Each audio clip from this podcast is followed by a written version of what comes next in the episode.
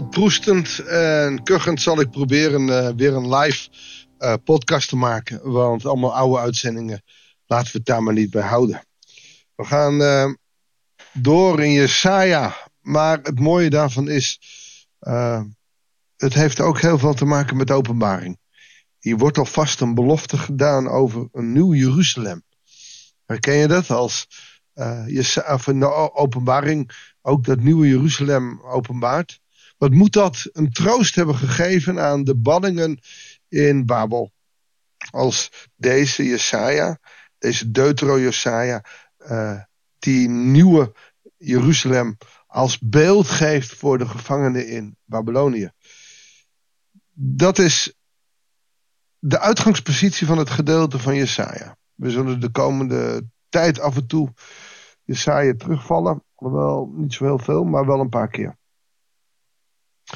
Goeiedag, hartelijk welkom bij een nieuwe uitzending van het Bijbelsdagboek. Jesaja 60, vers 1 tot en met 9.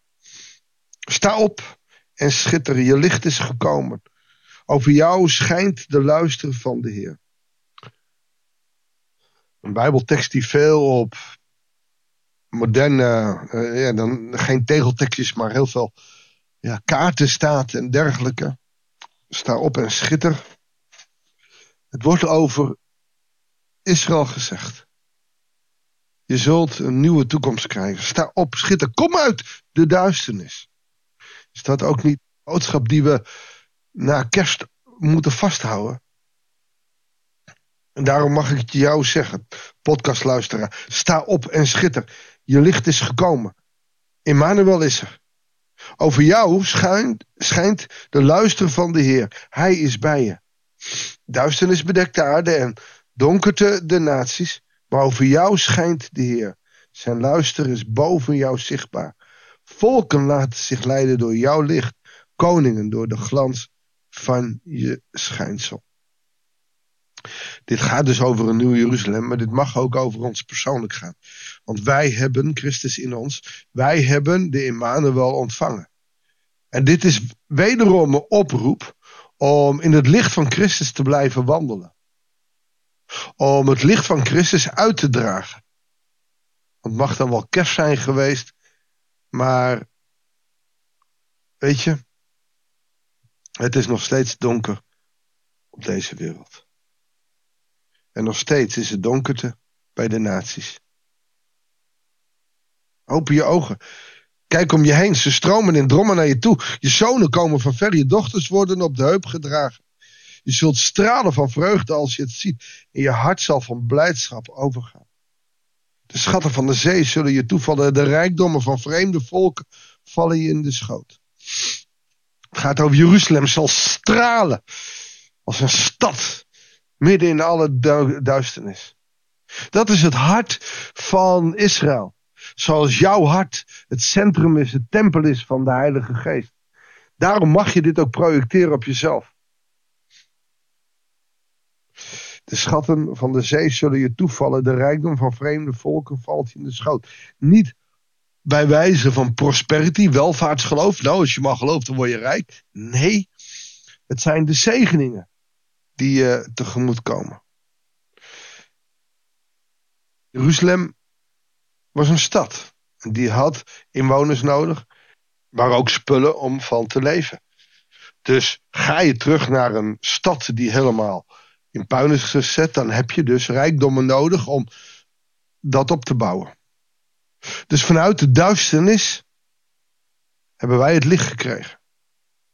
En de donkerte om ons heen, van de natieën die om ons heen zijn, die moeten wij verlichten. En wat hebben we daarvoor nodig? Daar hebben we geen geld en goed voor nodig. Daar hebben we het licht van Christus voor nodig.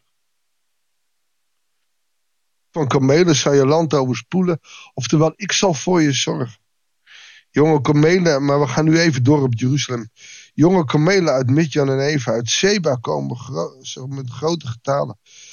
Beladen met wierook en goud. Kondigen de roemrijke daden van de Heer. Alle schapen en geiten van Keda worden voor jou bijeengedreven. Nebiots rammen staan je ter beschikking. Ze zijn weer welkom als offer op mijn altaar. Mijn tempel zal ik in alle luister herstellen. Die zijn het die daar zweven als een wolk. Die komen aanvliegen als de duiven naar een til. De kustlanden hebben hun hoop op mij gevestigd. De schepen uit Tarsus gaan voorop om je kinderen van verre terug te brengen. Ze hebben zilver en goud bij zich ter ere van de Heer je God, de Heilige van Israël. Die jou deze luister heeft verleend. Een belofte over Jeruzalem mag er zijn als een belofte over ons. We kunnen natuurlijk heel lang dimdammen over hoe de Joden verwachten dat Jeruzalem weer opgebouwd zal worden. Hoe de tempel weer zal bloeien en schijnen, hoe God in die tempel zal komen. Toch mogen wij vanuit het Nieuwe Testament weten dat in de duisternis van jouw leven, jouw hart, jouw lichaam, het tempel mag zijn van de Heilige Geest. Het belangrijkste daarvan is dat jouw hart verlicht wordt door het licht van Christus. Niet meer, maar ook niet minder. En daarvan uit mag jij in deze wereld het licht uitstralen. Hoe belangrijk is het, die taak?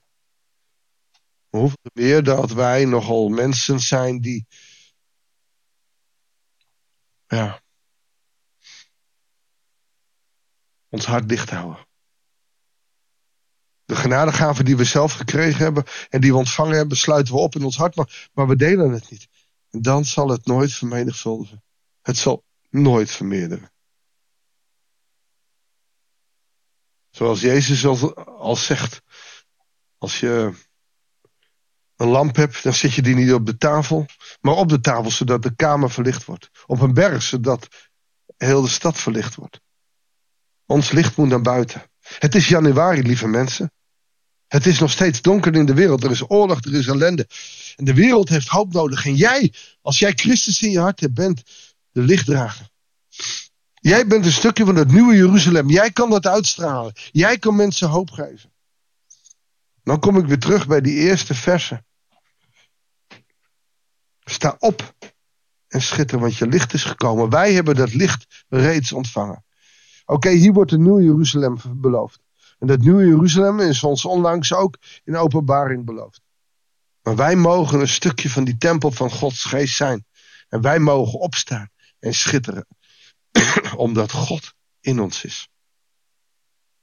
Onderschat dat niet, wat dat betekent. Denk niet van, ach ja, het zal wel leuk gezegd, maar jij op jouw plek, in de plaats waar jij woont, hier in Nederland, België, dag Belgische luisteraars, in Amerika, Los Angeles ergens zitten luisteraars, of in Duitsland, waar je ook bent, waar je ook zit, sta op en schitter. Je licht is reeds gekomen en over jou schijnt de luister van de Heer. Zullen we God daarvoor danken?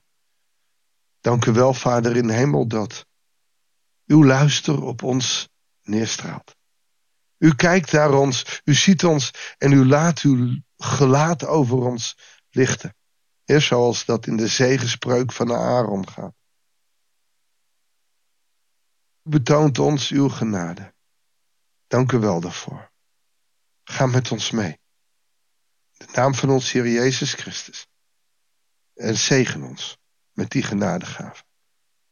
Dat we ons rijk mogen voelen door uw aanwezigheid. Niet meer, maar zeker ook niet minder. Dat bidden wij en danken wij u. In Jezus' naam. Amen. Nou, de stem heeft het even gehouden. Dus uh, vanaf deze plek wens ik jou een hele goede dag. God zegen. En heel graag tot de volgende uitzending van het Bijbelsdagboek.